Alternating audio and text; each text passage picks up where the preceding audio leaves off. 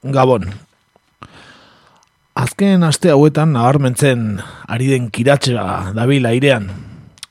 Lanak non nahi, errepide berritzeak, erre, erriko bazter guztietan aspaldi egin behar ziren konponketak, gure buzoietan aurkitzen ditugun argazki pomposoak dakartzaten folletoak, bai, berriro hauteskunde usaina dugu giroan. Beste hauteskunde kanpaina bat pairatu beharko dugu, orain honetan ere berrikuntza handiegirik egongo ez denaren susmopean.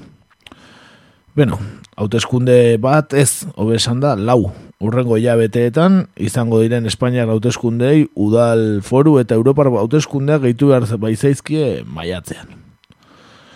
Alde guztietatik e, promesa gaindosia datorkigu berriro ere, eta telesalmenta saio batean e, antzera produktuaren onurak saltzen dizkiguten panfletoak gutxien espero dugun lekuetan jasoko ditugu. Kompost ederra egiteko nahikoa ondakin ez bagenuen, ultraeskuinaren gorakadaren balizko mehatxua izango da gai izarra, edo bada ja gai izarra. Akaso gure herrian, baina baita estatu Espainian erre, Espainiarrean ere, ez aldugu ba ultraeskuinik izan azken mende honetan? Vox alderdiaren inguruan masmediek sortutako zalapartak bere lehen helburua lortu du. Orain arte, alderdi popularra bakarrin defendatzen zuen tesia. Haiek, alderdi popularra, ultraeskuina ez zelaren aregia. Gizarte osora zabaldu da. Badirudi, urteetan gure artean kas, e, kargo instituzionalak izan dituztenak, orain bihurtu direla ultraeskuindar. Eta oraingoan lehen baino jardun erreakzinaroagoa proposatzen dutela. Haien burua aurrerakoitzat duten alderdiek ere, gaiari ozka egin diote, beraien burua ultraeskuinaren aurkako protesta bozka moduan aurkeztuz. Otxoaren ipuña berreskuratu eta gaurkotzen ari diren hartzain modernoak. Kontestu guzti honetan, alderdi aurrerakoien estrategia e, eta oinarri ezak, boxeen balizko igoerak baino kezkagarriagoa beharko luke. Politika gintza instituzionalaren borrokarrinean, ultraeskuinari aurre egitea proposatzen digute hautesraun berri hauetan. Bozka emateak galdu duen balioaren seinale nahiko nabarmena dirudi. Norberaren argudioak, otxoari zaion beldurraren atzean eskutatzean, eskaintzen denaren kaskartasun maila nabarmentzen baita. Ez da momentuko parametro politikoetan kokatu baino, proposatzen zaigunaren eraginkortasuna aztertzea interesgarria litzateke. Gizartearen transformaziorako, lan instituzionalak dituen oztopoak eta mugak zein diren hausnartuz. Hemen hasten da, gaur, egur. Guten Tag, meine Damen und Herren. C'est la lutte contre le terrorisme. Katea ez da eten. Agirre, garaikoetxea, leizaola. Gaur egur. Gaur egur. Gaur, egur. Jolasten eta enredando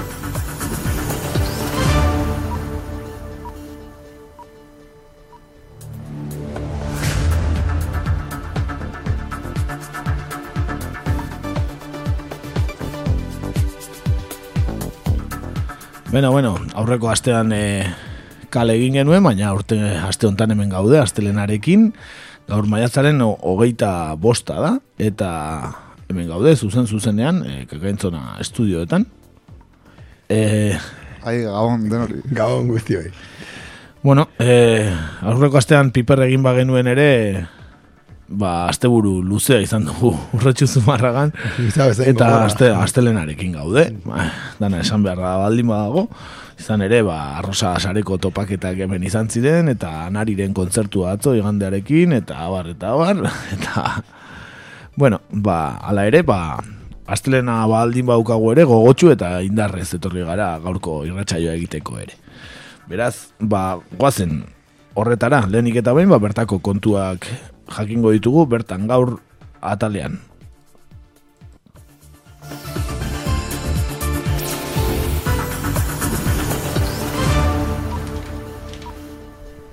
Bertan gaur.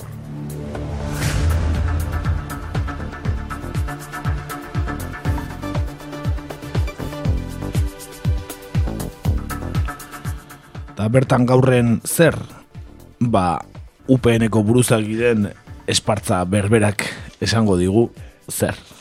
Yo estoy seguro que esta plataforma que Navarra Suma va a ser capaz de aglutinar en torno a sí a todos aquellos ciudadanos que no quieren que siga habiendo un gobierno nacionalista en Navarra y que no quieren que en España los independentismos, los nacionalismos vascos o catalanes terminen decidiendo quién preside nuestro país.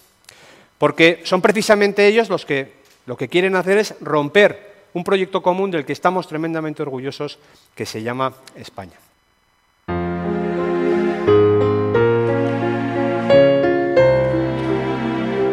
Bueno, barki geratu da gaurko gaia zein da, ez? ba, bai, e, eskuin e, Espainiar et, eskuina, Napar eskuinarekin bat, ez? Espainia, Naparra eta Espainola den eskuinarekin bat eginda, ba, joango dela, aurrengo hauteskundetan, bai, Espainiako kongresurakoan, baita foral eta municipaletan ere, ezta? E, beraz, ba, ba horri helduko diogu, ba hori UPN Ciudadanos eta PP elkarrekin aurkeztuko direlako aprilaren hogeita zortziko eta maiatzen hogeita zeiko bozetara. Esan, ba, elkarri dugun artikulua berriakoa dela, e, Joserra Senarrik ateratakoa, etxipenak elikatutako ituna izenekoa, eta bertan, ba, Santiago Zerbera, Gaizkaranguren eta Ricardo Feliu ba, elkarrizketatu eta beraien valorazioekin osatutako testua dela, beraz, guazen e, Navarra sumari buruz hitz egitera.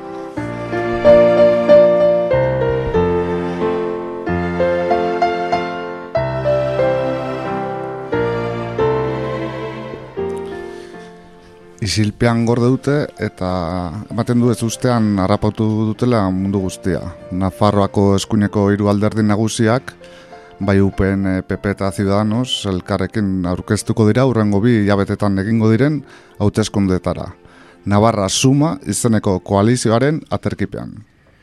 Bai, batasunerazko mugimendu bikoitz horrekin, UPNek ekimen politiko hartu du, baina zeri erantzun dio, alik eta indartsuen agertzea nahi badu ere, berrogei urteko markari uko egitea ez alda arriskutsu egia. Maiatzaren hogeita zeiko gauak eta ondoren gaztetako aliantze jokoek e, bere epai irmoa emango badutere, gaur gaurko zetxipenak elikatutako akordioa da Nafarra eskuinaren ala dirudi. Santiago Zerbera, Nafarroako PPko presidentoiak ondo ezagutzen du esparru hori. Bai, gogoan du nola duela hiru urte, Espainiako gorteetarako hauteskundeen atarian, Esparzak behin eta berri zukatu zion eskua alderdi popularrari. Jarrera irmo hori nahi dut, ez dut nahi joko hori guztia, ba prezioa hobetzeko modu bat izan zen eta Mariano Rajoy ordaintzeko prest egon zen. Gogoratu dezagun aldi hartan e, alderdi popularak onartu zuela diputatuak eta senatariak upeneren eskuetan ustea, Rajoyren balizko investidura babesteko konpromisoaren truke, horren truke bakarrik. Eta oraingoan etxi-etxian alderdi popularrak amore emandu berriz, baina akordioa foru eta udal lautez eskundeetara zabalduko denez, UPNek ere pagatuko du berea. Baitoki egingo dio zerrendetan peperi eta ciudadanosek lentasunezko tratua izango du. Eta ciudadanos ba gustora, ez da, egia esan nola ez, ciudadanos oso gustora, ba, errepresentaziorik etzuen lekuan, ba, errepresentazioa izan lezakelako, eta agian bakarri joan da lortuko etzuen errepresentazioa. Beraz, ba, Albert Rivera adibidez oso gustora berizan. Nunca mejor dicho, Navarra suma. Ese es el nombre de la coalición que irá a las elecciones, tanto a nivel nacional como a nivel municipal y en las elecciones forales, y ahí vamos a estar juntos. Y creo que en un momento político en el que algunos quieren dividir a los españoles, que formaciones políticas distintas ponga lo que les une en valor es un logro del que tenemos que felicitarnos. Me consta que hay mucha gente en Navarra ilusionada y me consta que hay mucha gente en toda España ilusionada también para que sumemos escaños suficientes para formar un gobierno constitucionalista. Así que también es un honor recibir eh, ese acuerdo, ese apoyo de, leal de, de Unión del Pueblo Navarro a un gobierno constitucionalista y yo, sin duda, claro que sí, Ciudadanos quiere encabezar, quiere liderar de la mano del constitucionalismo, ser la casa común del constitucionalismo para sumar y no restar. Ciudadanos, eh? E, zentroko alderdi hori, eh? Denek dute zer irabazi, e, esaten du zerberak, Santiago zerberak, baina diferentzia handi bat ere atzematen du. Ba, Esparzak gainbera nabaritu du bere lidergoarena eta alderdiarena berarena bestelako premia bat zuten. Eta ez naiz ez naiz inkesten zale, baina UPNren gorakada iragarri beharrean, berakada iragartzen zuten. Baiala dio Santiago Zerberak, gaizka aranguren kazetariak ez du zalantzarik, zergaitiaz. Eskuartean zituzten datuekin ikusi dute ez zutela lortzen nahi zutena. Bakarrik aurkeztuta, ahultzeko arriskut, arriskua zutelari ja, zutela jakinik, bere marka galtzeko presta azaldu da UPN, eta atzean etxipen kuntxu handi bat atzeman du arangurenek, ala dio berak. Pentsatu izan dut espartza ezoteren ari, honetan edoni edo bukatu da. Barku guztiak erreko ditut, azken aukera honetan, esaten du gaizka arangurenek, hori esango lukela espartzak ez, zenen UPN, UPN den siglak inez joatea, ba, bueno, alde batetik apostu oso gogorra da UPNren zat, ez da? Bere siglak azkenean ba, ezaguna lago Nafarro osoan, eta orain ba, partido edo plataforma edo koalizio berri bat sortzea ba, hilabete eskaz falta denean, ba, ba ez da oso ulergarria, ez da? Ez ez hor dagoa dirudi, ez? Beraien aldetik eta beraien beraiek beti esan dutena, ez? Beraien marka galtze horrek, ba, ba bueno, koste handi badauka beraien ere, ez? Bai, ikusiko dugu nola ateratzen zaren, baina, bai, abintzat apostu arriskutsua bada.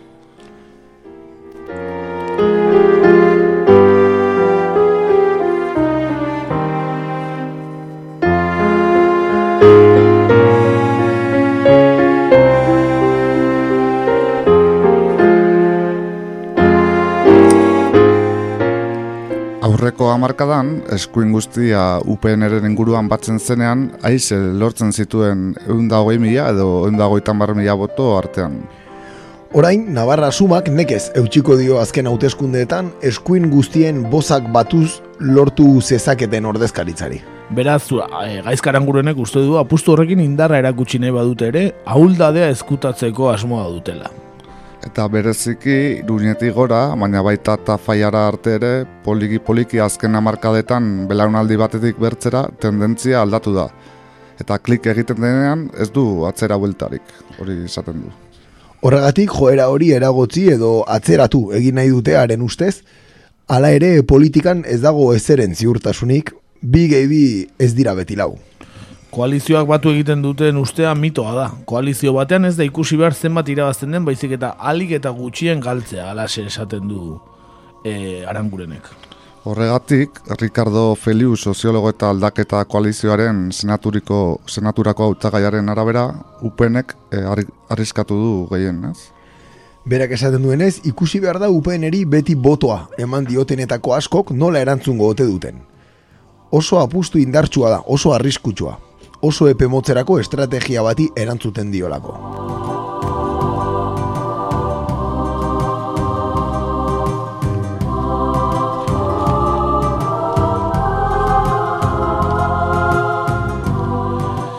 Ba bai, esan dugu zela formula nahiko bitxia, e, lehenengo aldia pentsatzen dut, e, ba, Naparre regionalistek e, horrelakorik egiten dutena, ba, bitxia da nola bildu diren, ba, hiru indarrak eta nola neurtu duten norberaren pisua.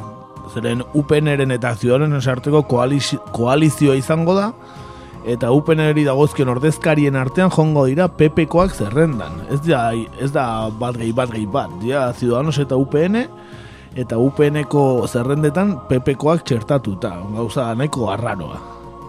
Eta ematen du, PPkoei esan dietela, zuek lasai baten bati egingo diogu tokia. Hori dio zerberak. Haren ustez, ziria sartu nahi izan dute. Guztien arteko ituna da, jakina, bestela ezinezkoa izango litzakelako. Feliuk uste du, Ciudadanosen botoa o emailak erakarri nahi dituztela. Eskuinean, soziologikoki upeneren gandik alden duen dagoen sektorea da Ciudadanosekoa, jasaten ez zaituen seme horren modura. Orain etxera etortzeko esaten ari zaizkio semeari. Eta haren ustez, horren truke alderdi laranjak eragin almena irabaziko du. Mer merkatu politikorako sarbidea ziurtatzen zaio ziudadanosi, eta gutxieneko inbertsioa eginda, hautapen libreko karguak lor ditzake. Eta alderdia finantzatzeko eta eragin ere irabazteko ba, aukera bikaina. Eh? Bai, baina horretarako gobernua eskuratu beharko lukete eta horretarako ezinbestean PSN behar dute. Horregatik, peperen izena eskutatzeko borondate horrek azken helburu bat dauka, arangunere, arangurenen ustez. Argi dute, Pepe ez dela agerian geratu behar. ez zailtzeko gero ezinbertzekotzat jotzen duten pesoerekiko harremana. Eta ziudadanesekin esan, ba, bai, ez duela postu handiereik egin, eta ondo ateratzen zaiola jokaldea, baina oraingoz ezagutzen ari den zerrendetan, ez daudela oso posizio gorenean ere, eh? nahiko, ba, bueno, bozkatan gora egingo balute, agertuko lirak ziudadanesoko gehiago karguetan, edo hauteskundeak irabazita, ba, agian gobernuan ere egongo lirateke, baina, bueno, ez daudela, lehen lehenengoak zerrendetan ez daudela ziudadanesekoak aipatu behar dago. Hala ere, e, Santiago Zerbera badator ikuspegi horrekin, eta argudio horri indarra, indartu nahirik beste zertzela batzuk ere gaineratu ditu. Eta zerberaren ustez, Espainian ziudadanosi komunizaio PP alderditik bereiztea. Eta hainbat lurraldetan, pesoerekin lordezake hitzarmena. Horek abiatu nahi dute alderdi zentristaren irudia emateko eta ez ditzaten peperen menpeko gisa irudikatu. Azken batean, hilabete baten buruan bi hauteskunde izango dira, eta bi joko eremuen artean erlazioa nabarmena da, feliuren ustez. Feliuk ala dio, eskuina berregituratzen ari da estatuan, muturreko diskurtso baten bidez, indarrak biltzeko. Artara, Nafarroako akordioak logika berari erantzuten dio. Bai Feliuk dioenez, laukoaren eta aldaketaren aurkako ardatzaren inguruan egituratuko du diskurtsoa, eta diferentziak surgatu egingo ditu. Guztionegatik ez da kasualitatea akordioaren zergatia gizarteratzeko orduan Espainia eta Nafarroa austeko arriskua nabarmentzea. Betiko diskurtso berbera ez da benen los baskos edo eta aktibo zeneko konstituzionalismo hartara jo dute. Funtxean ez da nazionalismo espainiarra aldarrikatzeko. E, esan aurreko astean aurkeztu dutela Navarra suba marka, logoa ere, pf, bueno, ez dut asko berritu, upenek berritu zuen hain dela gutxi logoa eta oso logo oso antzekoa, e, iruñan aurkeztu duten, hola oso, bueno, e, adibidez, e, garan eta gertu zenez, aritzin txustago jatzi zuen, e, muy moderno todo, eta, bueno, zan dana bastante klasikoa eta dana bastante berdina, eta agertu ziren ba, kongresurako zerrenda buruak, ez? Eta batetik zegoen Ruth Goñi Ciudadanoseko Naparroko burua dena, eta bestetik, ba, irratxa honen aspaldiko laguna den Sergio Sayas, ez? Sergio Sayas. bueno, sare sozialetan eta, ba, UPN-eren bozera maile nagusi baita parlamentuan ere, ez? Izan da, ba, Nafarroako parlamentuan, ba, orain, e, zerrenda burudua Madrileko kongresuraino, eta, bueno, ba, Sayas, e, aspaldiko laguna degunez, ba, entzun dezagun bere ahots eztia. Queremos llevar a Madrid la voz de todos esos ciudadanos navarros que nos sentimos orgullosos de ser navarros, de ser españoles y de ser europeos. Queremos ser una muralla que contenga el avance del nacionalismo. Queremos ser esperanza. Bai, etzen Mariano Rajoy, eh? Ez da espartza ere, naiz eta dana ese apatinatzen dien danei ere, hau Sergio Sayas genuen, eh? Zin modan dago edo, nola doa? Bai, eskola bat sortu du Mariano Rajoy, eskuindarren politika gintzen, eta diskurtsoa eratzerako momentuan, eta eseak patinatu egiten dira. Ez da gizargatik.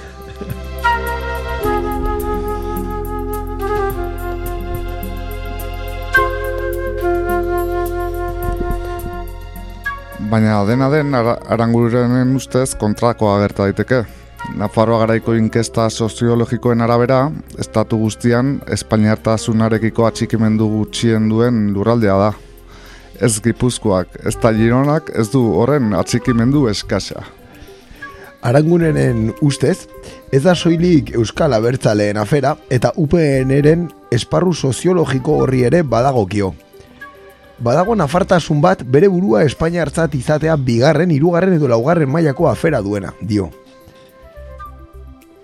Izan ere, nola hartuko dute upeneren boto emaile tradizional askok, ziudadanosekin batera aurkeztea baldin eta alderdi horrek hitzarmen ekonomikoa indargabetzea bultzatzen badu?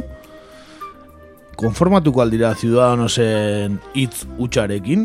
Ez, beraz, egia esan UPNren indarra hor dago gehiago, ez? Bai, Navarra foral i espainola, baina batez ere Navarra foral, ez? Bintzat bozkau asko asko hortik ateratzen ditu, ez? Ba, daude Nafarrak, ba, Nafarra sentitzen direna, eta gero, bale, si, espainol europeo, baina lehenengo Nafarra. Eta hortikan UPNek bastante jaso izan du, azken e, urteetan. Eta, karo, Ciudadanosek justo aurkakoa representatzen du, ez? Estatu zentralista, eta... E, ba, bere esate dute regio eta komunidade autonomo guztien berdintasuna, eta, bueno, ba, orduan, e, ba, bai kontzertu ekonomikoak eta foruak eta hori dana beti kontra gertu dira. Bai, bai, luia ez, azken egun hauetan ez, pixkat eh, diskurtsoa lehundu egin dutera, zentzu hortan ez, ze Albert Riberari desentetan galdetu diote, eta Nafarroan zer, ez? Bai. Zer gertatzen da, ez? Bai, baina esatute, bueno, konstituzioan dagoela eta konstituzio aldatu arte, Hori da, ez? Ez ba, da. ba, beraiek errespetatzen dutela konstituzioa eta konstituzioa aldatu arte, ba, horrekin, ba, Navarra suma aurkeztu eta hurrengo egunean, e, entrevistatu zuten Garikano, e, Ciudadanoseko ekonomia arduraduna, edo, bueno, aditua, o, bueno, saltzen dute hola, ez, hola, Bai, el guru, ez? El guru ekonomiko, Bai, el guru liberal. El eh? Rodrigo Rato de. Ciudadanos, bai. Hori da, guru liberal bat horrela garikano. Bueno, ba, serren, Pepa Bueno, elkarrizketatu zuen eh, ser irratian, eta urrengo egunean ja, ba, bueno, nik uste ja, ba, botoen poltsa pixka zulatu zuela garikanok. Entzun dezagun.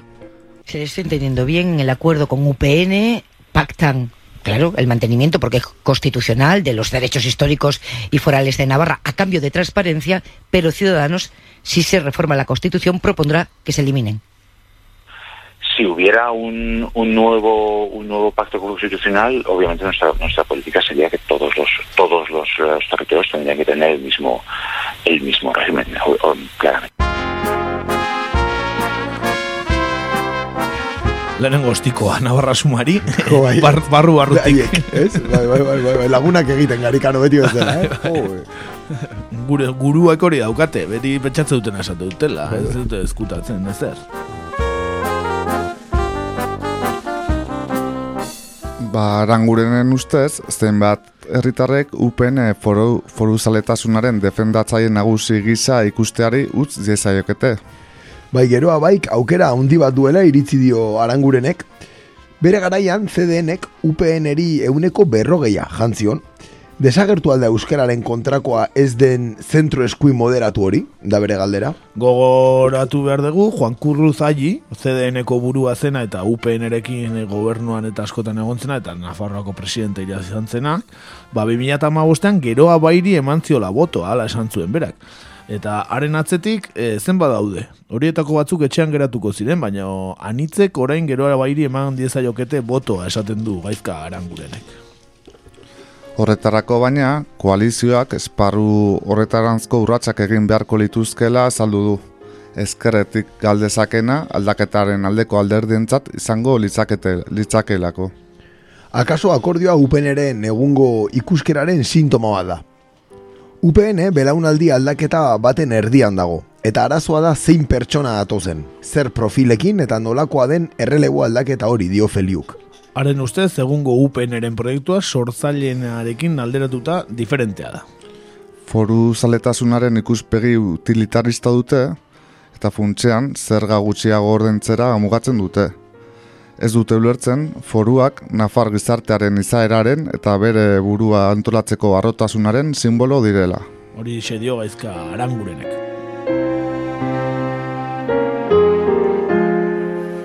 Egia esan, ba, irakurtzen ari garenak arrazoi guztia dauka, ez? Agian hemen irabazle ateratzen dena gero bai izan daiteke, ezta?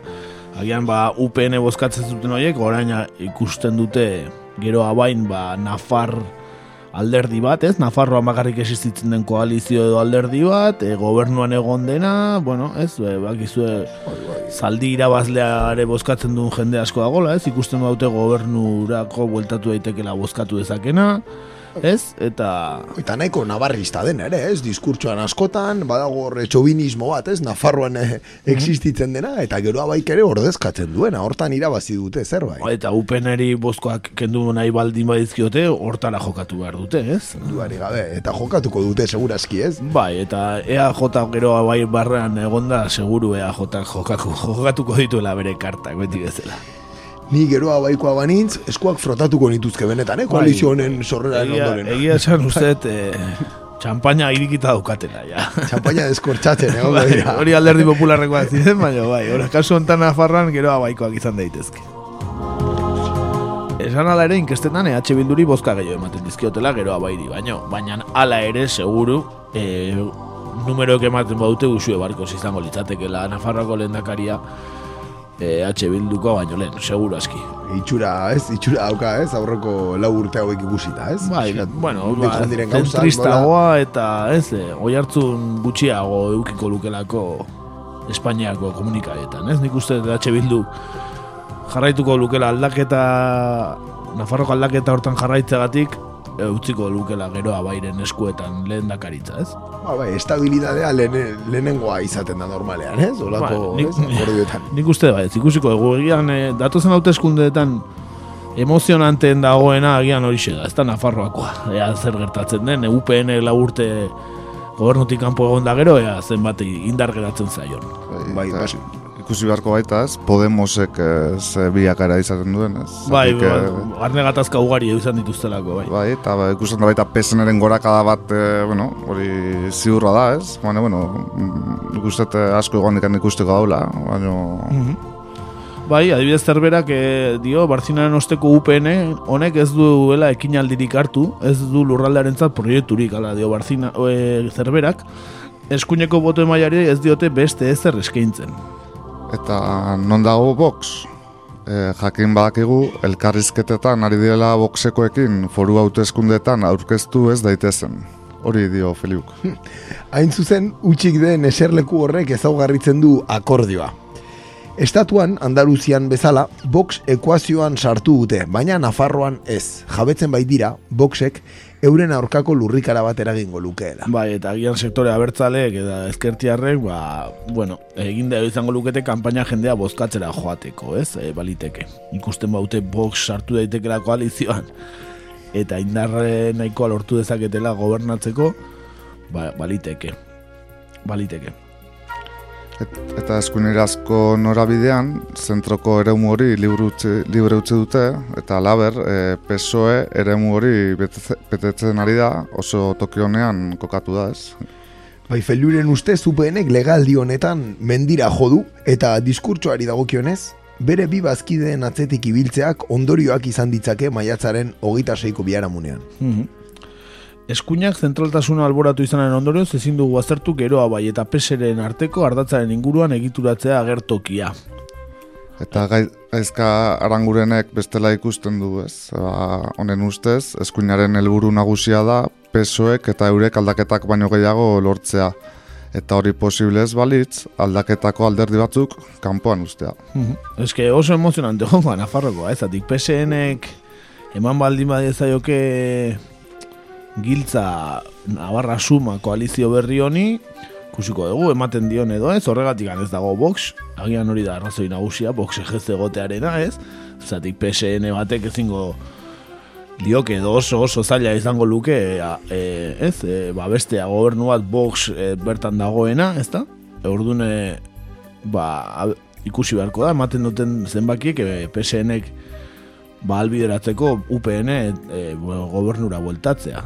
Baina baita ere ikusi beharko dugu zer egiten duten e, e, PSNek eta geroa baik ere emango baluke e, baita ere ea elkartuko lirateken. Zeren geroa bairentzat benetan oso estenatoki Bai, a- ka, ka, aproposa. karamelu polita baita ere, eh? entzat, eh?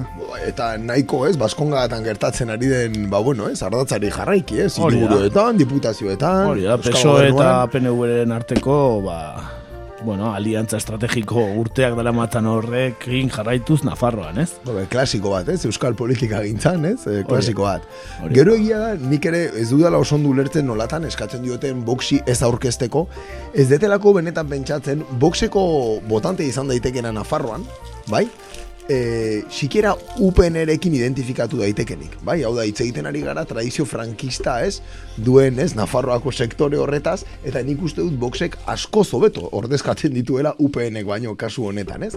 Be, be, aspaldian nahi zuten eta behar zuten alderdi, pues hori, e, oso e, birala, ez? Dena esaten duena dala box, ez? Bai, baina UPNek ez du hortik bakarrikan eh, jaso botoa, ez? Baita hori esan dugun regionalismo hortatik eta Nafarroaren, eh, bueno, ben idiosinkrazia hori, ez? Nafarra diala eta Nafarra diala.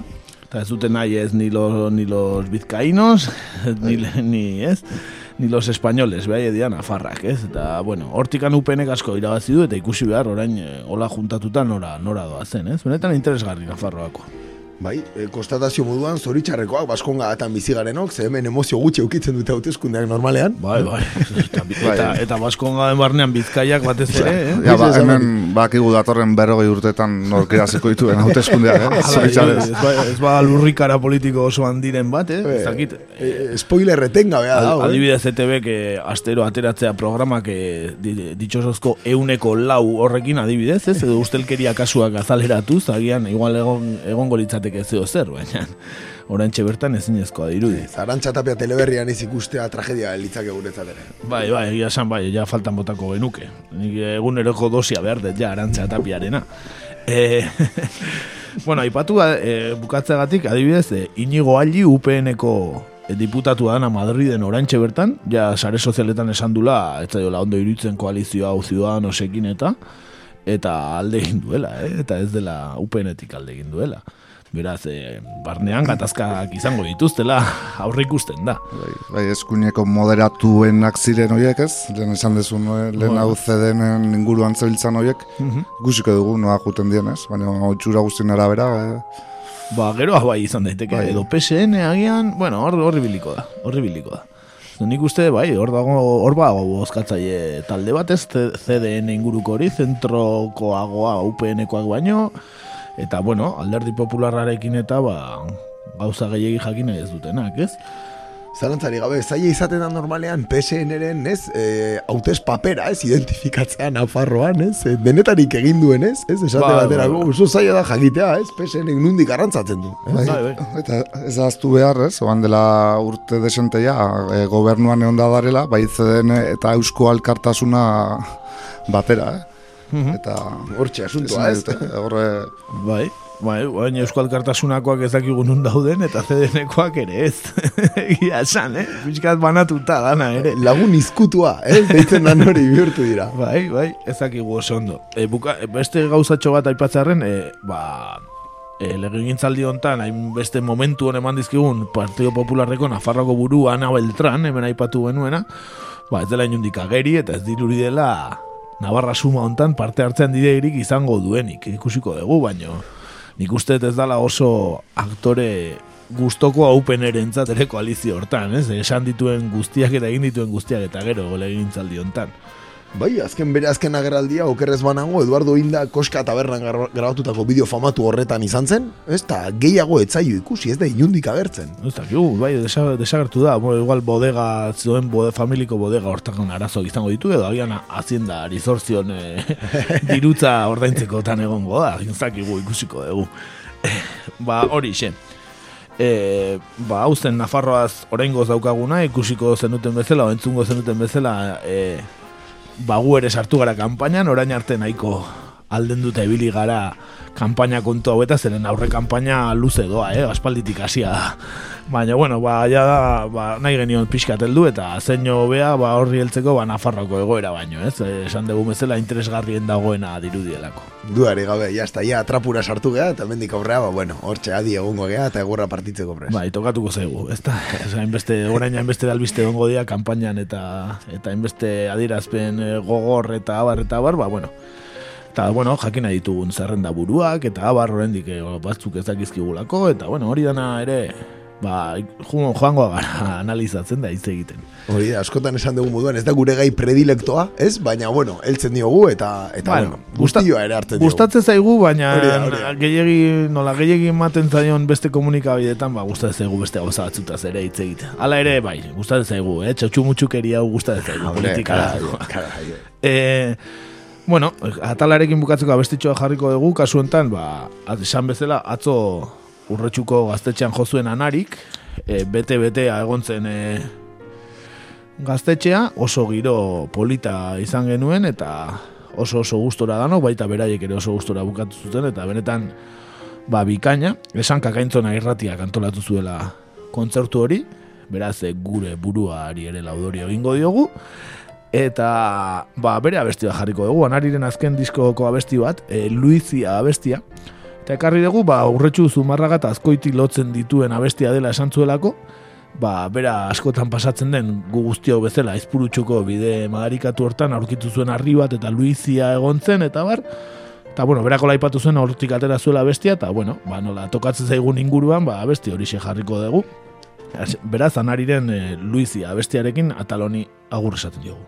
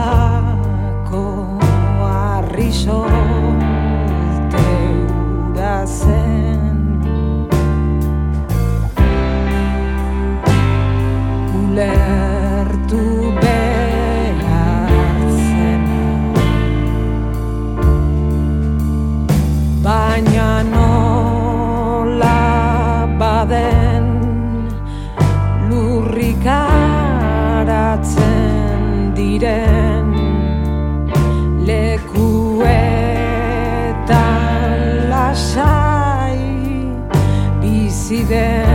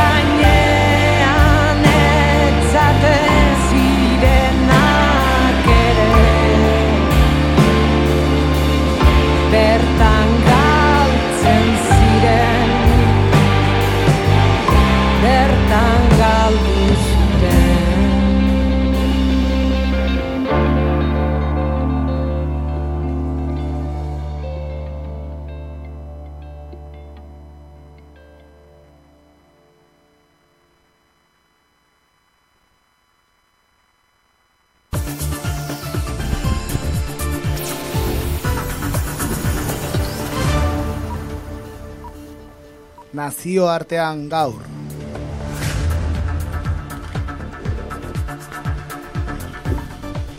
Bueno, ba, gaur eh, nazioartean ba, Afrika aldera joango gara, beste behin ere. Eta Ruandara zuzen ere, zatik eh, apirian, ogoita bost urte beteko dira, Ruandako genozidioa hasi zutenetik. Herrialdearen historiako gertakaririk beltzena izan zen, eta ondorio fisiko eta psikologiko lazgarriak eragin zituen gizartean. Emeretzigarren mendeko kolonialismotik, Laro eta marreko amarkadara hartutako erabakien ondorio izan zen sarraski hau. Bai, e, hain zuzen ere, egun eguneko epean, zortzireun mila eta milioi bat zibil artean hil zituzten. Eunka mila laguni bizi osorako ondorio fisiko eta psikologikoak eragin zizkieten. Milaka emakume bortxatu zituzten. Eunka mila aur umezurtz geratu ziren eta besteak bestain bestek ies egin behar izan zuten. Sarraskiak ondorio lazgarriak utzi zituen, gizartearen kohesioa eta eraikuntza erabat suntxituta geratu zen eta hautsi egin zuen Ruandarren batasuna eta elkarrekiko konfiantza. Eta gatazkan e, utuek e, eta tutxiek hartu zuten parte eta genozidioa ondo planifikatutako gauza bat izan zen. Bai, triskantzaren hasieran hogeita marmila pertsonak eratu zuten milizia eta milizia eta herrialde osoan zeuden barreiatuta. Miliziako zeinbat kidek akaberrogeita zazpi errifleak lortzeko errestasuna komen zituzten, imprimaki soil bat bedeta. Hola, titau. Beste arma batzu lortzeko, ala nola granadak, etzen inolako paperik bete behar ere, masiboki banatu ziren, bai akaberrogeita zazpiak eta baita granadak ere.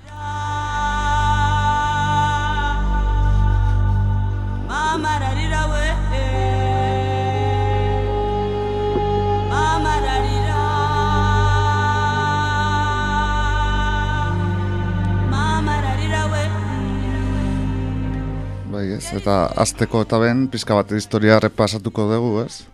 Zatik askotan ematen du eh, Afrikak ez daukela historiarik, ez? Ematen du... Eh, bai, gizazuria iritsi arte ez zegoela, ez ez? Ez, eta, bueno, badakigu, ba, Ruanda inguru hartan, eh, Kristo horretik eh, laugarren mendean, bazeduela batua etniako biztanleak, eta hauek eh, historiak ziren. Gero mende batzuk geroago, behatzigarren mendean, e, utu etniako nekazariak ere, eskualde horretara aldu ziren, e, bizimodu sedentario bat, ez, e, erekitzera. Eta baita, esan, e, hortik egun urtera, e, amabi eta amairugarren mendeetan, abeltzen tutxiak e, gaur egungo ugandako lurretatik ruandara iritsi zirela. Eta azken horiek bertan bizitzen jarri ostean, batuak, e, eta utuak eta tutsi elkarrekin bizitzen hasi ziren. Eta samarago ez, ba, e, iru etnia diferente horiek ez, ba, batzuk ziren iztariak beste batzuk abeltzainak eta beste batzuk nekazariak ez, eta horren bestez, ba, bakoitzak bere lurralde eremua o, zuela ez. Eta horregaitik, ba, ondo, ba, ba, elkar bizitza bat, e, inungo gatazkari gabe, ba, beste toki guztietan bezala ez. Esan ezagugu ez zela nazio bat edo herrialde bat mu, e, ez? mugen barnean zeuden hiru etnia ez? Bakoitza ba, bere lurrak zituen. Bai, e, normalean izaten Afrikan ohikoa izan den bezala, ba, izaten da lurralde lehorrak, lurralde umelak, ez? Eta ba, ba, batzuk izaten dira tribu batzuentzat, beste batzuk beste batzuentzat, eta hori ez, ba, e, izaten da e, egitura bat, ba, non bakoitzak bere eremua daukan, eta ez, hola elkar bizitzen diren, ez? Bai, gizartea eratu dute beraien medioetara eta beraien e, bi- ingurunera eta eta hor e, jarraitu dute belaunaldiz belaunaldi, ezta? Bai.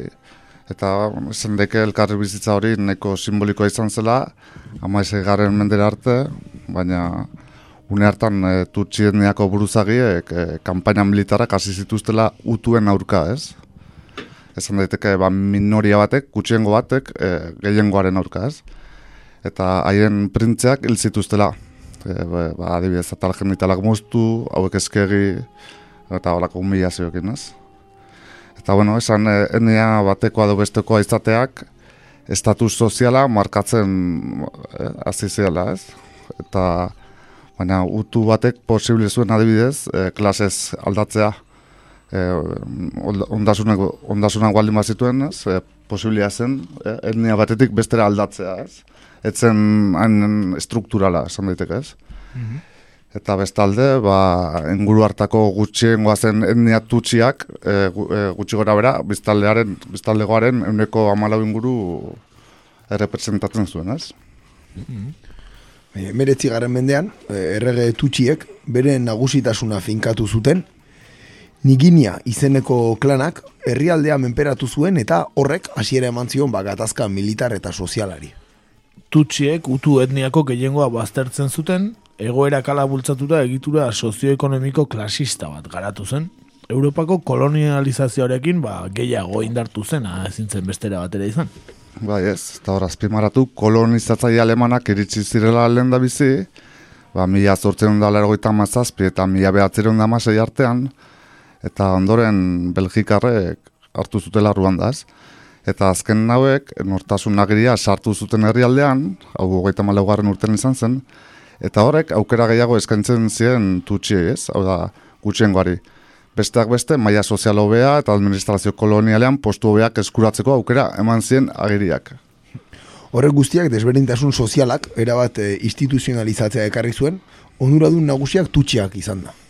Bitartean badgu etniako kideek tratu on xamarra jasotu, jaso zuten tutxien gatik. Izan ere, piramide sozialean, utuen gainetik ikusten zituzten mendiko eiztari hauek, badguak. Ba, ez, e, pixat esplikatzearen, ba, momentu hortan zaren minoriak, ez, e, tutsiak eta batuak, ba, utuen aurka, ez, e, gehiengo osoaren aurka, ez. Eta kolonizazio belgikarraren ondorioz, e, sistema sozial eta politikoa, estamentu nagusiaren mesedetan indartu zen, hots tutsien mesedetan, naiz eta minoria izan, eh? biztaldeko, biztaldeen minoria izan. Eta Afrikako kolonizazioa adostu zenean, Europako herrialdeen artean banatu zen kontinentea. Kolonizatzaileek talde jakin bati edo beste bati garantzia handiagoa ematen zieten, beti ere interesen arabera noski. E, Belgikar administrazioak ikusi zuenean tutxien aldarrikapena gehiagizkoak zirela, ba ordura arteko jarrera aldatu zuen eta utuen alde jarri zen. Bat zeide musatzen bestera. Beti ez dela. Etnia bien arteko lehiakortasuna zorroztu egintzen orduan, e, eta hori ikusita Belgikarrek etnien oinarrututako alderdi politikoa sortu zituzten gainera, beraiek sortu zituzten alderdi politikoa. Zuentzako alderdi hau, zuentzako beste hau. Hori, eta hor hasi zen benetako zatiketa, ez? Eta Ruandako batasun nazionala, e, uner izenekoa, e, utuen aurkako jarrera zuena, eta Ruandako batasun demokratikoa, e, utuen askapenerako mugimendua, eta masen promozio sozialarako galdekapena, tutxen aurkako jarrera zuena, ez? Alderdi horietan banatu zuten esan daike, ez? Era berean, Europako misiolarien rolak ere kontuan hartzekoak dira, sistema soziala eta kolonizazioa legitimatu zutelako. E, bidegabeko portaerak eta esplotazioa neurtzeko neurriak erabaki ziren. Hogei garren mendearen erdialdean, e, mila betzerun da berrogeita emezortzian, utu talde batek aldaketa eskatzen zuen manifestazio, manifestu bat i- idatzi zuen eta hor ere gauzak aldatzen hasi ziren. Rwanda, Rwanda. Yeah. Yeah. These are the cries of the children. Eta une horretatik aurrera, tutxien botereari aurre egiten hasi ziren utuak, ez? E, pizkanaka pizkanaka aberastasunaren banaketa helburu izan da, ez? Helburu hori zuten aberastasuna, ba, tenen artean banatzea. Eta bergoita emeretziko azaroaren batean, gazte talde tutxi eta lider utu baten artean izandako sesioak iraultza bati eman zen hasiera. Bai, utuek e, tutxien ondasunak erre eta haietako jabe batzuk hil zituzten. Bi urte, iraun zuten e, maila basuko erasoaldietan, irurogei tamalau hildako zenbatu zituen Belgikar administrazioak. Haietako irurogeita bat tutxien milizia berriek hildako utuak ziren. Irurogeita bat, eh? Tutxi, mil, tutxien milizia berri hauek hildako utuak irurogeita bat ziren. Eta tutxien helburua zen utuen iraultza harri amaiera ematea. Baina utuen mugimendu iraultzaileak indar handiago zerantzun zuen ondoren. Eta hurrengo bi urteetan, hogei mila tutxi inguru hil zituzten. Bortizkeri zurrunbiloaren aurrean, gauzak eh, okertu eta tutxiak erbestera zela ikusita, bai, egun da berrogeita mar mila tu, eh, tutxi inguru erbesteratu ziren, nazio batuen erakundeak amnistia aldarrekatu zuen irurogeita bateko maiatzaren hogeita maikan. Eta hala, urte hartan bertan independentzia eskuratu zuen Ruandak. Era berean, erreferenduna egin zedin eskatu zuen nazio batuen erakundeak eta hartarako begiraleak ere bidali zituen. Eta referendumaren emaitzak etzezko eman zion ordu arteko monarkia tutxiari. Bosten euneko laro jasota. Gobernatzaile tutxiek errepublika onartu behar izan zuten eta utuei eman zitzaien boterea.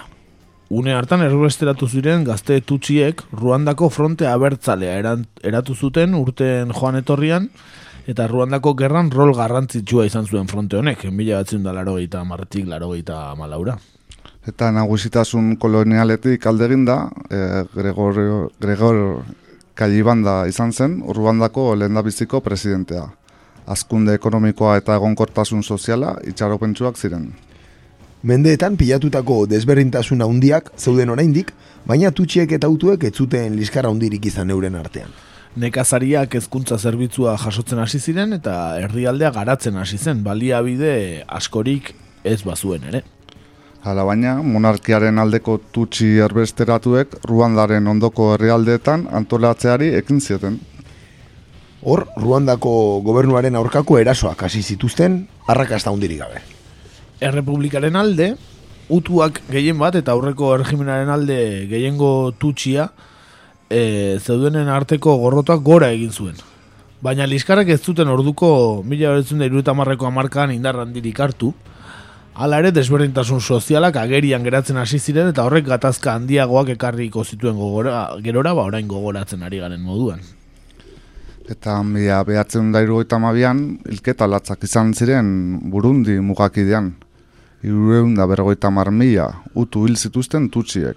Eta horren ondorioz, tutxien aurkako sentimendua indartu egin zen Ruandako utuen gehiengoan. Biztanleriak tutxien aurka gogor ekiteko eskatu zion Gregoak Kaibanda presidenteari, alabaina presidenteak hartutako neurriek ez zituen biztanleak asebete eta gobernuan gertatu ziren ustelkeria kasuek estatu kolpe bati eman zioten bidea. Abiarimana, general Utu jatorrikoak, estatu kolpe eman zuen irurogeita mairuko ustaian. Demokraziaren aurkako esku hartzea izan arren, gobernuak egon kortasuna izan zuen mila batzen da laragoiko amarkadaren erdira arte, amar urte luze. Eta Frantziako laguntza logistiko eta militarra izan zituen horretarako, nola ez, ondoren adizkidantza nazionala lantzeari ere ekin zitzaion. Datu horiek guztiak munduko bankuak eta amnistia internazionalek bai ez datu zituzten. Batetik, Ruandaren garapen eredugarria az, azpibarratu zuen munduko banku zentralak, nola ez. Eta bestetik, iza eskubidekiko errespetua ere bai amnesti internazionalek, ez da, ba, ze bi erakunde, bikain mundu mailako. Bai, eta estatu golpearen ondorioz, eh, ondoko amazazpigai urteetan, tentsioa mantendu egin zenaren, bi taldeak lasaitu egin ziren nolabait. Bai, finantza kontua kontrolatzea tutxei, zegokienez, erbestean zeudenek ikusi zuten herrialdearen barruan boterea zutela. Ruandako frontea bertzalea herrialdean ere klandestinoan sartu, era, era klandestinoan sartu zen herrialdean Ruandako frontea bertzalea eta bertako hainbat gazte tutxi erreklutatu zituzten. Bai ez, eta rekrutazio horretan ba, e, brigada sekretuak eratu ziren eta mendietatik e, masiboki ba, jendea Rugandako frontea bertzaleko ideologo Tito Rutarenuak onakoa gogoratu zuen, ez? E, bez, bueno, esango dugu gutxi gora bera, e, ba, izan zela kafearen prezioaren geisteak e, eragin zion ba, gatazka horren ondorioz, ba, ez, ba, ba, krisi ekonomikoa, gero gehitu behar zaio, ba, ustelkeri kasu latzak izan zirela, batez ere herrialdearen ipar partean, eta esan bezala ez, e, goera ekonomiko okertze horrek, e, ba, erbesteko tutxiek e, ez, ez zuten ez da itzultzeko bermerik, eta faktore guzti horren ondorioz, Ruandako gerra hasi zen ez, eta esan barra, ba, Ugandan zeuden tutsi erbesteratuek Ruandako fronte abertzalea sortu zutela ez. Eta sartu ziren e, Ruandan, eta hor zetorren ba, gaur ekar, dakarkigun efemeridea, ez? Ba, genozidio guzti horren e, urte urrena apirilean e, izango dena.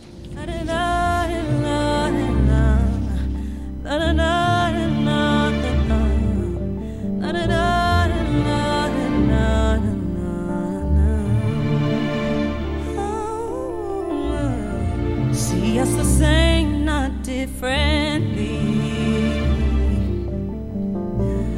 Why would you be? Goazen ba mundu guztian ezagun egintzen eta historiara pasako den genozidio horri buruz hitz egitera. Hori da, bai, bilakera historikoa ez, ba, ikusi ondoren, e, genozioaren kontakizunera pasatzen gea. Laro mairuan Ruanda eta Uganda Arusako ituna izenpetu zuten, e, bake itun bat, Arusako ituna. Bertan, hainbat erabaki adostu zituzten, trantsizio gobernua eratzea, hogeita bi ministroetako bostek frontekoak izan behar zutela sedatzen zen bertan, alaber tutsi errefusiatuen itzulera kontrolatzeko batzorde bat sortu zuten, fronteko kideak armadan sartu eta tropen euneko berrogei osatzekoak ziren, eta larogeita bostean hauteskunde parlamentarioak egira konprometitu ziren. Larogeita malauko aprilaren seian, beraz aprilaren sei hontan, e, hogeita urte beteko dira, genozidioa hasi zela. Ruandako Juvenal Abiariamana utua eta Ziprien Entaiamira Burundiar presidenteak zeramatzan hegazkina bi misilek bota zutenean. Eta hurrengo egunean, agate ulingi amuana, lehen ministroa eta nazio batuen erakundeko amar belgikar soldadu hil zituzten.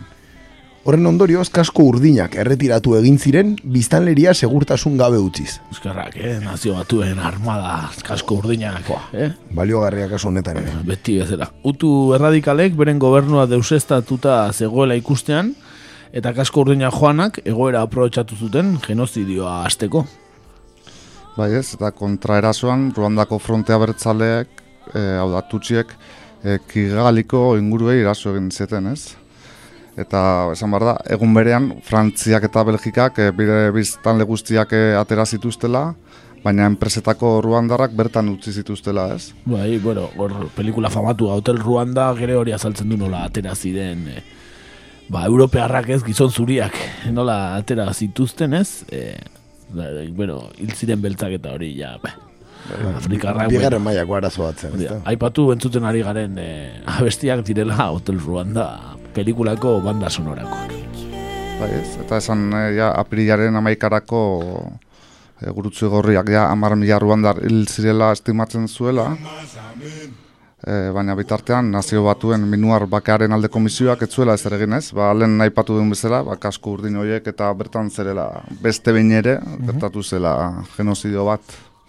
Aipatu hori, eh, zenbakien saltza hortan, esan, e, bost egunean, bost egunetan, amar mila ruandar hil zirela e, ba, baloratzen zuela gurutze gorriak, eh? Zenbat izango ote ziren. E, aprilaren amalauan, Belgikaren, Belgikaren armada erretiratu egin zen, nazio batuen erakundeko kuartel orokorrak emandako agindu zuzenengatik. Kofi Ananek ez sartzeko agindu zien. Nobel sari, eh, bakiaren Nobel sari dugun Kofi Ananek, eh, santzuen, ez, ez, ez sartzeko. Aprilaren amazazpian, kibuile konderrian tutxien beste sarraski bat hasi zen, eta aurrengo hiru hilabeteetan berreunda berrogeita mar mila pertsona hil zituzten.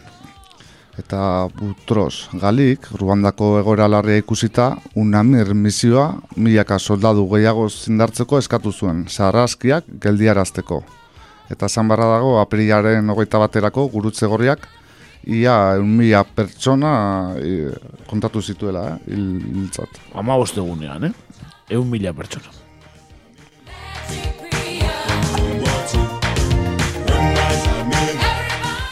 Maiatzenen lauean hilabetera Butros Galik genozidio terminoa lehenengo aldiz erabili zuen, Ruandan gertatzen zen sarraskeri erreferentzia egiteko. Eta horren ondorioz, Bill Clinton eta beste buruzagi garrantzitsu batzuk, ba, deseroso jarri zituen, ezta? Eh? Ezin izan zuen ondolo egin gau hartan Bill Clintonek. Bai, egoera okertu zijoala ikusita, unamir misioa berrezartzea erabaki zuten eta une horretan tutxien kontraerasoa hasi zen iparraldean. Eta gurutze gorriaren estimazioen arabera, maiatzaren amairurako bosteun mila pertsona hil zituzten baina inongo agintaririk ez zuen artean genozidio hitza erabili. Ekainaren hasieran Ruandako fronte abertzaleak herrialdearen ipar ekialdean antolatu eta Ruandan bizi ziren atzerritar guztiei alde egiteko ultimatuma eman zien. Mendebaldean berriz, Alir izeneko Ruandaren askapenerako armada sortu zuten. Eta ekainaren hogeita bian, nazio batuen segurtasun kontseiluak Frantziari denbora batez Ruandako ego mendebaldea kontrolatzeko eskatu zion, segurtasuna eta bakea mantentzeko. Uztaiaren erdialdean, Ruandako fronte abertzaleak Kigali menderatu zuen, bertan zegoen gobernu erradikal utuak zaire ingurura alde egin zuerik. Bi milioi utuk ere alde egin behar izan zuten herrialdetik, eta goman inoizko refusiatu esparru handiena bihurtu zen, ura hartzen da genozidioaren amaieratzat.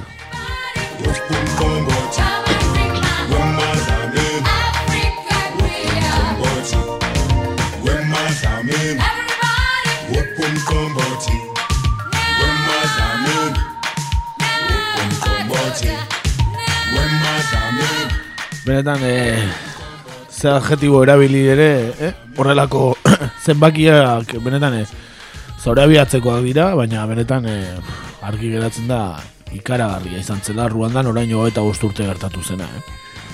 Bai, eta responsabilidade gutxi ez, ekarri dituena, eh? ondoren, vamos, ez da... Bai, bai, behitu, adibidez, Kofi Annanek agindu zuela e, kasko urdinak ateratzeko, eta gero, ba, olako jendari ondo ordaintzen zaio, etorkizunean, eh? E, urteak pasata, ba, bakearen Nobel saria eman, eta, haizu, ba, pertsona ogoretsu bat bezala pasa historiara, ez da? Uh, da. Euskal Herrira etorri eta bake prozesuan parte hartzera, ez? Adibidez, ez, hortxe. Norbaitek esan zuen bezala, como brillaba el negrito, eh?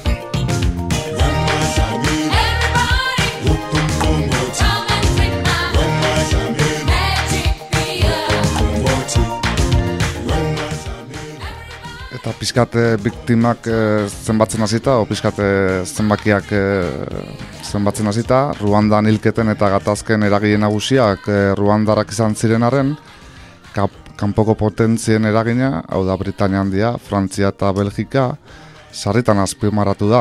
Eta gertara larrienean, larogeita malauko genozidioan ere nabarmendu zen. Esan behar da, genozidioan zortzireun mila eta milioi bat lagun artean hildako izan zirela, gehienak zibilak, eta Ruandan guztira, e, bost, bost milioi zortzireun mila biztanle bizi zirela gara hartan. Eureko hogeia, eh? Bai, bai, hola. Azken amarkaetan bortizkeriazko barne gatazkak izan dira Ruandan horrezkeroztik ere. Alderdi ezagunenak e, tutxien eta utuen arteko guduak izan ziren, etnien arteko bana lerroa ordea, ez da gatazkaren arrazoi bakarra izan, e, dakigun bezala. Eta larogeita malauko genozidioa, utu erradikalen eskuetan zegoen gobernuak piztu zuen, eta tutxiak adina utu moderatu hil ziren. Hain zuzen, arrazoi politikoengatik boterearen aurkariak zirenak. Hala ere, utuen eta tutxien arteko adiskidetasunak eta ezkontzak ere izan dira. Esan mendebaldeko herrialdeek diogun bezala, ba, Ruandan, e, Ruandako gatazkan, ba, papel garrantzitsua izan zutela, eta oraindik ere badutela. Adibidez, Belgikak potentzia kolonialoia denak, ba, asiratik erabaki zuen gutxingo tutxeren privilegioak ematea esan dugun bezala, eta elite bihurtzea, eta horrek ere ekarri zuen gatazkaren e, ba, sakontzea, eta behitu nola bukatu zen, ezta? Aurreko baten ere egon ginen aipatzen Belgika, ez? Orain Europako demokrazien e, zentrua dirudiena, ba, Bai, Kongon egindakoak, ez da? Kongon egindakoak aipatu genituen, orain Ruandako eta zari gara, ba, bueno, ba, demokrazia eta gutxi dauka erakusteko Belgikak egia esan. Bai, lezio gutxi, ez luego.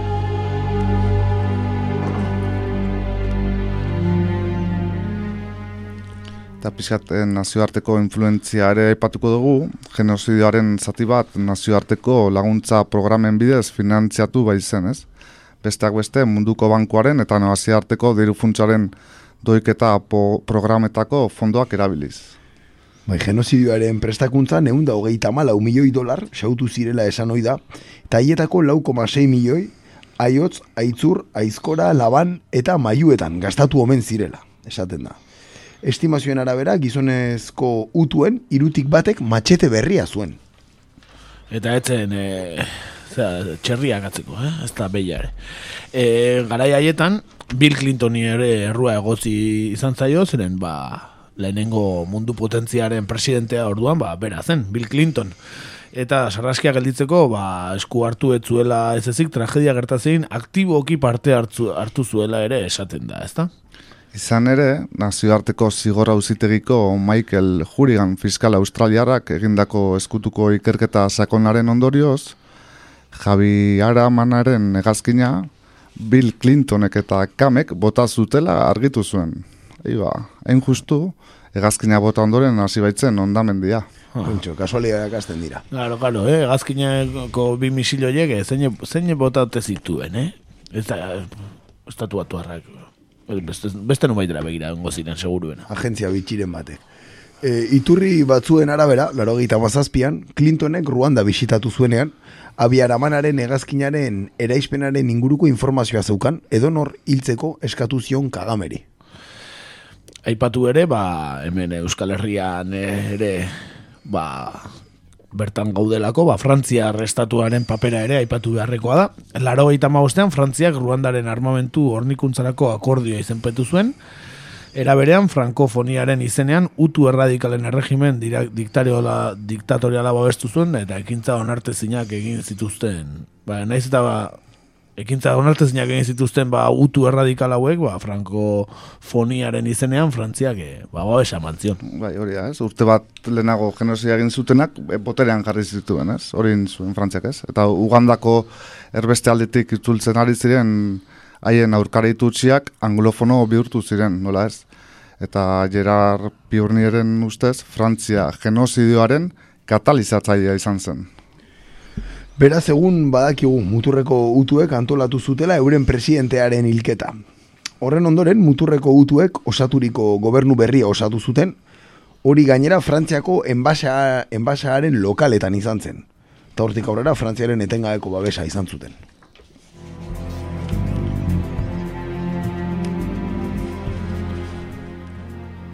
Genozioaren iruro osgarren egunean iritsi izen Ruandara Anzel, eta laro oita malauko ekainaren oeta bian, eta begien aurrean ikusi zuen sarraske ikusita, garai horretan RPF-ren garaipena hurbil zegoen. Eta gobernuaren indarrak RPF-ren aurkako borroka galtzen ari ziren. E, nire ustez, e, denbora gehiago pasatzen zutelako tutsiak giltzen RPF-ren aurka egiten baino. Hala zioen antzelek, ezta? Bai. Eta justu egun horretan, ekainaren hogeita bian, erabaki zuen Eliseoak operazio bat egitea. Ofizialki humanitarioa zena, baina praktikan militarra izan zena, dio antzelek. Ba, bakizkigu, adibide gehiago bauzkagu, eh? E, humanitarioaren izenean e, militarrak diren operazioetaz. Somalian kasu, ez da, eh? Garai Joa Venezuelara orain. Talde hori iritsi aurretik, muturreko utuek jada eun kamila aututxi eta autu moderatu hil zituzten, sarraski antolatu izan zen ura. Bai, ez, eta bidealek e, berak e, esaten duen bezala, ez? Ba, e, genozidioa gehien bat le, landa ere muetan gertatu zen, eta gehien bat, e, bueno, bi taktika erabali zituzten, ez? Ba, batetik tutsiak leku itxietan elkartu, adibidez elizetan edo eskoletan, eta granadak erabili zeraso egiten zien, bai milizien bidez edo zibilen bidez, ez? Eta bestetik esan, bat tutsiak euren ingurigurioan, ba, blokeatzea, eta gero esekutatzea, hori da bandak egiten zuten az. E, bueno, dana buruzagi lokalek orden duta nola ez. Eta esan baita erasoriek hasieran pistolak erabiliz egin zituztela, baina gerora, e, aiotzekin, e, no, e, arma hori izan baitzen, sarraskiaren ikono, ikonoa, ez, bakigu, ez? Bai, bai, hori da, matxeteak eta, eta aiztoak eta aiotzak izan ziren, ba, ba genozidio hartako erreferente, ez da? Bai ez, eta esamarra dago, hori ez bakarrik ez, ba, historiaren errepasoa egitea besterik ez dagoela, ohartzeko genozidioaren haziak Europako kolonizatzaiek jarri zituztela ez. Mendetako erabaki politiko eta estrategikoen ondorio izan zen, ez, beraz.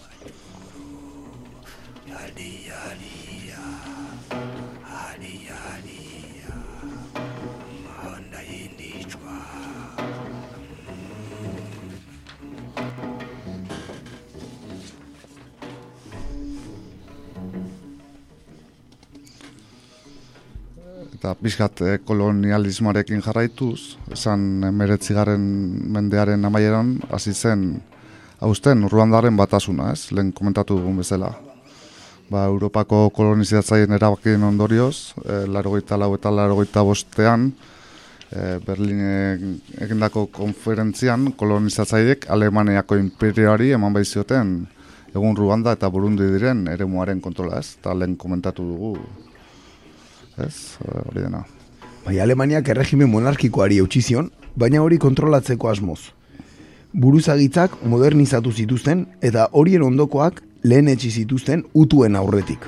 Tutxiak eskolatu zituzten eta beraz gizarteko parte garrantzitsuenak monopolizatu zituzten. Kolonizatzaien mito horrek zalantzari gabe utuen gorrotoaren lehen harria jarri zuen eta mendeetako harreman baketsuari eta batasunari kolpelatza eman. Kolonizatzaientzat tutxiak ziren arraza gorena, ezta? Hor dago kontu honene bagakoetako bat, ezta tutxiak arraza goren bezala jarri zituztela utuen kontrara. Dudari gabe. Eta lehenengo mundu gerraren ondoren, ba, ba, dakigun bezala, Alemaniak bere koloniak utzi behar izan zituen, Versailleseko ituna zela eta, mila behatzen da meretzian. Bai, nazioen ligak erabaki zuen Ruanda eta Burundi Belgikaren agindupean jartzea. Bidalen iritziz, Belgikak sakondu egin zuen Alemaniako imperioaren joera kolonialista, eta utuen eta tutxien arteko desberdintasun sozialak finkatuta geratu ziren. Izan ere, Belgikarrek egoera sozioekonomikoak hartu zituzten oinarri gisa, eta horien arabera antolatu zuten gizarte alegia, hiru taldetan zatit zituzten Ruandarrak. Bai, Horrela, azkar, pinpan. Bai, ez. Eta horrez gain herritarrak kutuak edo tutxiak ote ziren definitzeko kolonizatzaile belgikarrek buruaren eta suduraren tamainak hartu zituzten oinarritzat, ez? Eta horrekin batera, nortasun nagiriak inposatu zituzten lehen, komentatu dugun bezala, eta horietan norbanako bakoitzaren etnia zehaztu zuten. Belgikako gobernuak, gainera, tutxien eliteko kideak bakarrik izendatu zituen goikargoetarako, eta tutxiek soilik zuten eskubidea eskolara joateko, zergak biltzeko edo aske mugitzeko. Utuak aldiz, gero ez da pobreago bilakatu ziren, eta horien aserrea handitu egin zen urteak aurrera egina hala. Eta kolonialismoan hartutako erabakiek eta diskriminazioak eragin zuzena izan zuten gerora gertatu zen genozidioan, lehen komentatu dugun bezala. Ez. Ba, Europarren ikuspegitik, ba, sudurraren tamainak neurtu, buruarenak, azalaren kolorea, eta horrekin etniak banatu, eta ba, e, agian e, zurienak zirenak edo Europar e, ba, itxurakoenak zirenei eman ziren e, elitea, ezta? Bai, oso etnizistak, ez, izan ziren belgak, ez, beraien koloniatan, ez, Kongon egin zuten moduan, nola beti ez, ba, neurri hoiek, ez, arrazaren neurriak hartzen zituzten, tipifikatu egiten zituzten arrazak, eta bueno, horren ondorioz jendea ere, ba, banatzen zuten, ez, privilegioen arabera, eta bueno. Oso oso arrazistak izan ziren Belga. Belgikarrako e, ba, Fran, Afrikako kolonietan, ezta? Berriz ere nabarmenduko dugu, eh, Belgika, bai. Eh? Bai, Belgika. ezain handi hori Europaren bihotzean eta demokraziaren izenean Bai. hitz egiten duena, eh? Bai, e, go- goratzen ez e, esaldi bat, nola, ut- utzi lider utzi batek esaten zuen, ez? E, identitat, identitatea eman ziguten, baina gizatasuna kendu ziguten. Ez, Aha. Olako zerbait esaten zuen. Bai. Bai, ba, egia galanta, ez, hala izan zelako, ez da. Noski baietz. Guzti horretan, ba, propagandaren indarrak ere ba, izango zuen bere garrantzia, ezta? Nola ez, ez. Eta atzerriko indarren eragina batez ere, larogeita marreko amarkadan hasi zen sumatzen Ruandan, eta batez bat Frantziak izan zuen, ez, indar hori. Batez ere, ba, markada horretako lehen urteetan, dena sekretupean egin zuten, ez, e, horretaz goratzen da antzel. Horrela dio, Ruandara joateko gutxi falta zela, armadako kide batzuk etorri ziren gugana. Ruandako egoeraren berri ematera. Arritu egin nintzen, ez nekielako Frantziako armada Ruandan zegoenik.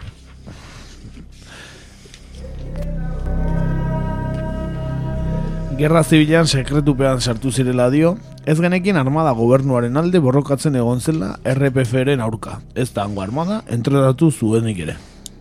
Eta Ruandan egondako egunez aritu da besteak beste bere Ruanda la fin du silence liburuan Ruanda isiltasunaren amaiera. Hamarkada horren hasieran, Parisek presio egin zion Ruandako presidenteari alderdi anitzeko sistema ezarri zezan, eta azkenean helburua betetzea lortu zuen. Egoera hori baliatu zuten muturreko utuek euren alderdiak sortzeko eta edabideak irekitzeko. Bien bitartean, larogeita amarreko urriaren batean, RPF Ruandara sartu zen iparraldeko mugatik, Ugandatik. Garai horretan, jada, Frantziaren babesa zuen Ruandako armada honek.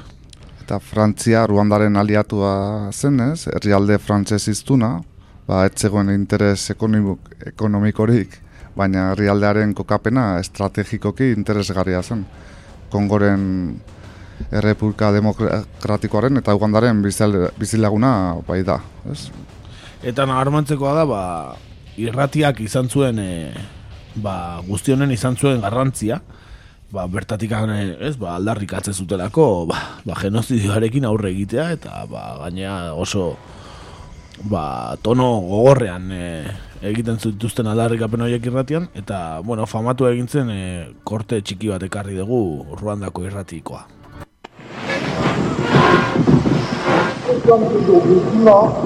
Dimanche 19 juin 94, il est 16h22 à Kigali, dans le blindé de la RTLM. Avis à tous les Guinéens qui nous écoutent, oui, oui, à tous les Guinéens qui nous écoutent, le Rwanda appartient à ceux qui le défendent vraiment. Et vous, les Guinéens, vous n'êtes pas des Rwandais.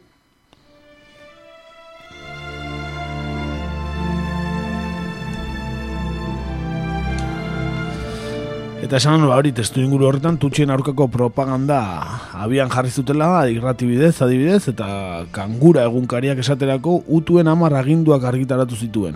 Eta utuek tutxiekin izan behar zituzten harremanak nolakoak izan behar zuten zehazten zuten. Tutxiak etxai gisa aurkezten zituen, noski. Eta kangura, jende gutxiaren gana iritsi zenarren, gainontzeko egunkariek eta aldizkariek egunkari horren edukia argitaratu zuten. Gainera, informazio hori irudiekin batera publikatzen zuten. Eta hor ere, tutxen aurkako mezuak agertu ziren. Ahozko transmisioak lagundu zuen eduki eta ideia horiek zabaltzen ere. Hala ere, propagandarako tresna eraginkorrena irratia izan zen, eta horren bidez zabaldu zuen gobernuak utuen aurkako gorrotoa. Eta irrati bat soilik Ruandaren euneko hogeita behatziak zutenaren, gainontzekoek tabernetan edo eremu publikoetan entzuten zuten irratia. Radio Ruandak, mila bederatzireun da larogeita amabir arte, herrialdeko irrati bakarrak, gobernuaren adierazpenak, jakinarazpenak eta albisteak emititzen zituen soilik. Frantziak sustaturiko alderdi anitzeko sistemaren ostean, muturreko utuek irratiak ireki zituzten. Kanpotik inposaturiko alderdi aniztasun honi, edabideen eh, askatzearekin batera etorri zen. Presidentearen eta alderdiaren inguruko muturrekoek Radio Libre des Miles Colines, ez, de las Mil Colinas. E, hori zen eh, jarri dugun kortearen eh, irratia, sortu zuten, gerora genozioaren tutxiak hiltzera deitzen zuen irratia, ez hori da jarri dugun kortea, bidale jakinarazi duenez. Bai, eta irrati horren estilo informalak jende asko erakarri zuen, eta entzuleen deiak zuzenean emititzen zituzten. Irrati hori gerora genozidioan erabiliko zuten tutxiak identifikatzeko, hiltzaiei edabide horren bidez jakinari, jakinarazi baitzieten non bizi ziren tutxiak. Eta garai horretarako genozidioaren antolaketa abian jarri zuten.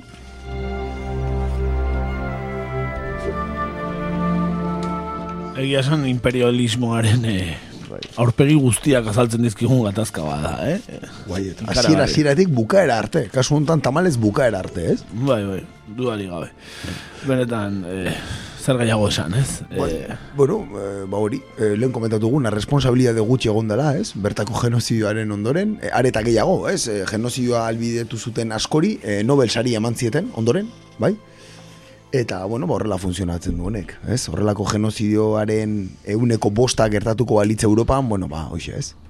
Bai, bai, bueno, zer egongo litzateke. Ikusi beharko da ere, eta bost urte betetzen den honetan, ea nolako ekitaldiak egiten diren, eh? eta zer esaten duen estatu bakoitzak, eta eta alde bakoitzak, ez? Orain, eh, zurikeria ugari egongo delako seguruenik.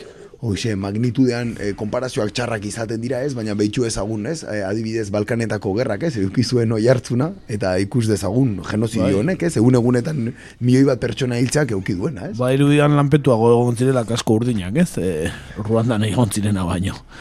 Laro gaita margarrera marka da hortan. Bai, baina bietan protagonistak asko urdinak, eh? Bai, bai, beti bai agertzen ezberenikan eta bai ru, ruantan, eh?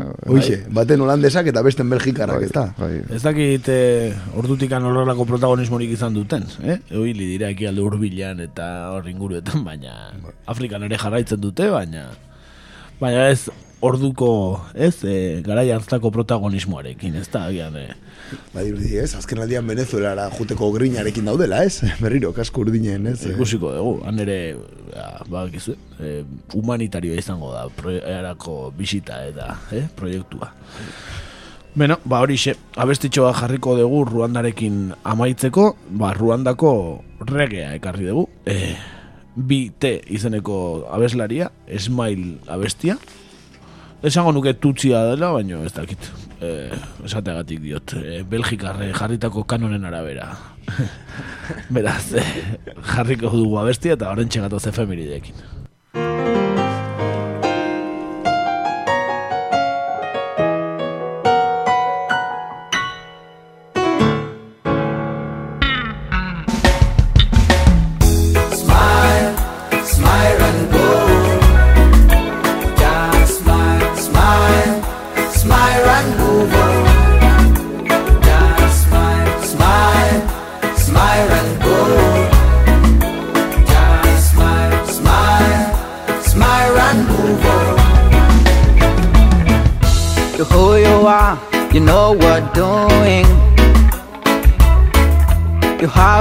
Vision, yes you do. You genius, not a psycho. You get there, keep on moving. You get there, keep on moving, yeah. You get there, keep on moving, yeah. Smile, smile and go.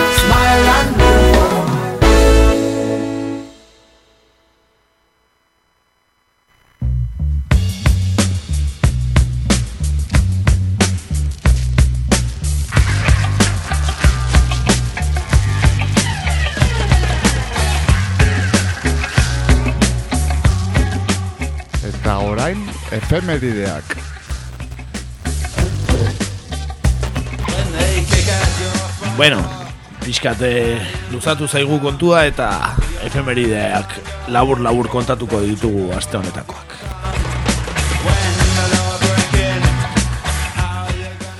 Martxoaren hogeita bostean, eh, gaur, ba, mila batzen dago eta maseian, gaurko egunez, Estremadurako badajo zen, irurogei mila nekazarik haien nagusien lurrak okupatu zituzten. Langi, lurraren langileen federazio nazionalak deituta, eh?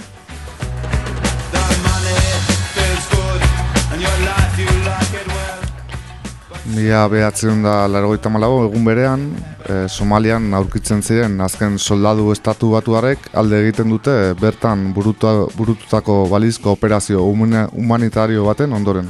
Ruanda eta zita jetitu gara eta garai berdin-berdinean Somalia eta, eh? Baina zuten, bueno, jazta, Somaliakin bukau dugu orain goz, guazen Ruandara.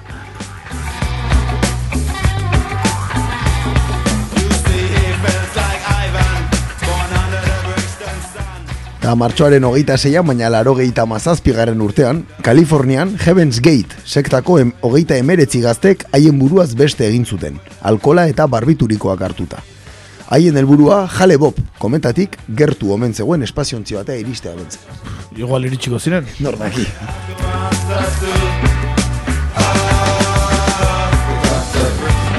Bi mila eta zazpian, martxoaren hogeita zeian, bihar e, amabi urte, Iparra Irlandan, Ian Pasley loyalistak eta Martin McGuinness errepublikarrak gobernu bateratua osatu zuten, gogoratuko dezue entzuletako asko, seguruenik. Ez bata ez bestea ez dira bizirik, ez? Ez, Dagoeneko. biak eh, elkartu dira Beste aldean. beste aldean hor nonbait, ez dakit, zeruan edo lurrazpian edo...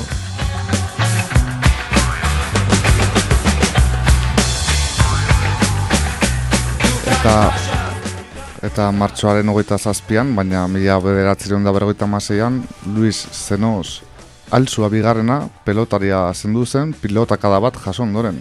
Benetan, eh, Tra- familie tragikoa bai. bitxia, eh? Bai. Ona, ekarri dugun kirol gutxietako izango. Bakarra izango, bai. Ba hori, ba gizue, pelotan jokatzen dezuenok ere, ba, arriskutsua dela batzuetan.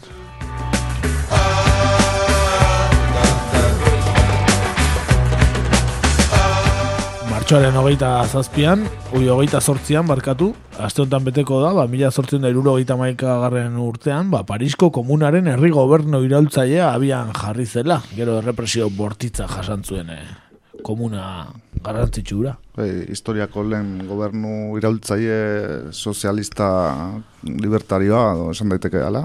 Du ere, bai. Bai, benetan historiara pasatzena naiz eta askok eh, historia hori ez ezagutu egin genuen irratsaio bat horri buruz, ezta? Ez edo orain da bi urte edo Bai, bai, hori aurreko temporaan uste. Martxoaren hogeita bederatzean, baina mila bederatzerun da berrogeita garren urtean, Juan Carlos Borboikoak bera nahi gaztea zen Alfonso Borboikoa hil zuen hogeita bi kalibreko errebolber batekin. Bai, bai, halaxe da, bai, erregea zenak bere anaia zarrena hil zuen, ezta? E, Portugalen. E, ea, azte honetan Espainiar eh, telekomunikabidek eh, gogoratzen diguten, eh? Hori ez digute horrela gogoraziko seguruenik. Akzidente tragikoa izan baitza.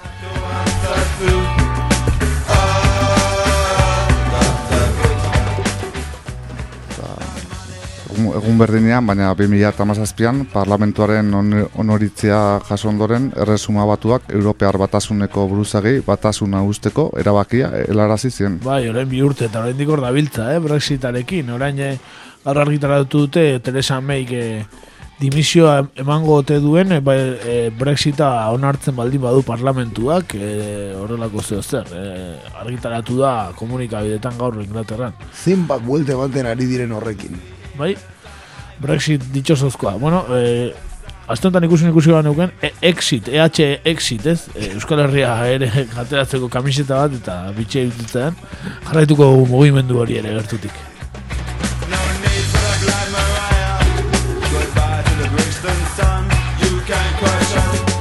Martxoaren hogeita marrean, e, laro hogeita garren urtean, e, amazazpi urte beteko dira aurten, bidarten, e, Frantziar poliziak, e, ba, Francisco Mujika Garmendia, Joseba Agirre Erostarbe eta Jose Luis Álvarez Santa Cristina, eta erakundeko buruzagiak atxilotu zituztela beste zazpi pertsonekin batera, ez da bidarteko golpe ura etxe hartakoa, ez da? Ezaguna egintzena. Artapalo kolektiboa bezala ezagutzen zena, da? Bai, eta e, Felipe Gonzálezek e, onartu zuela e, bere erabakian egontzela etxe hori lehertaraztea bertan barruan zeudela edo ez, ezta? Eta Be, demokrata da eta esan zuen ez ez, ez? ez, ez, baina ez dakit, bazirudien damututa zegoela ez ez esatearekin ala ere, eh? Gero egin zituen deklarazioetan. Beraz, Ge- Gerora jakin, ja- jakin genuen, ez? Bueno, e, egunkari batzuk eta jakin arazi zuten e, zia erakundea zegoela horratzean, eh? estatu batuak eh, atzaparrak ere toki guztietara iristen dira. Euskal Herria ere bai noski aspalditik gainera. Ba, orantxe, asteotako efemerideak hortxe, eta goazen ba, labur labur sare sozialen errepasotxo bat egitera, irratxaioa amaitu horretik.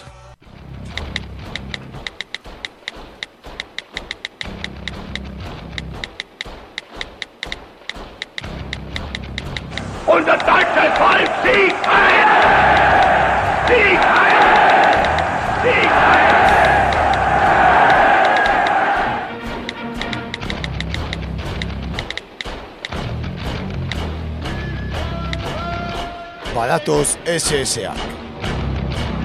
Sare sozialetan egur.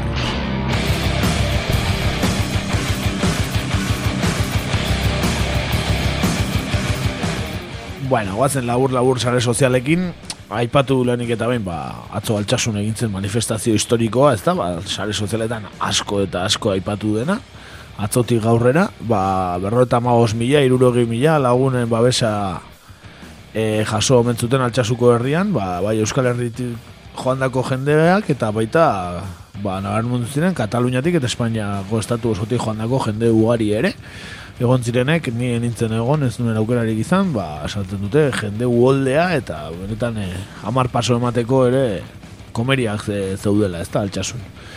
Beraz, ba, hori esan zen, eh, ba, izan da, sare sozialetan, eh, ba, oi hartzun handia izan duen gaietako bat, ez dugu a, a, eh, pasatu nahi, ba, ba, izpide izan dugun Navarra Suma plataformari buruz ere egon direla txaskarrilo ugari sare sozialetan eta eh, bueno, ekarri dugu ba, berrian eh, argitaratzen duen zaldieroaren bineta ba, graziosoa izan delako. E, ba, kizue, agian, zaldieroak kateatzen duela Nafarroa hiriburuz hitz egiterakoan askotan, ba, Nafarroko katearen katebegi galduak izaten direnak, eta ba, katebegietako batek esaten du Navarra suma, eta beste galdetzen eta euskeraz nola da? Ez dugu itzuliko, baina izan zitekeen Nafarroak sumatzen du. Eta besteak, bai, uste dut eh, Nafarroa jada sumatzen hasia dela, bai. Benetan, ebikaina zaldiaroaren eh, aste honetakoa. Ona.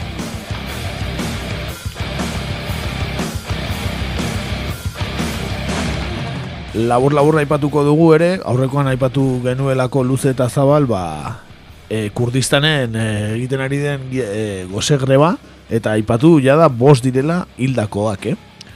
Bost pertsona hil direla, ba, Leila Gubenek 2018ko azaroaren zortzian hasi zuen goze greba eta gero, ba, ba beste jende pilotxo bat e, gaineratu zaiola goze greba hortara, e, eta ba, ja egun da piko egun da baina beste batzuk hasi dira gainera batzuk bere buruaz beste egiten, eh? Baten bate sokarekin e, ba, urkatu da zeldaren batean, beste batek e, zu eman dio bere buruari, eta aipatu leila gubenek berak e, adirazi duela e, audio batean, e, ba, eteteko horrelako ekintzak, ez? E, auto hori, ba, buruaz, buruaz beste egitearena, ez? Goze greban daudela, baina ez buruaz beste egiten, eta, bueno, ba, benetan, ja, tema lazgarria, eta agian berriro ere ekarri beharko duguna, zeren, ja, bost dira hildakoak, eh?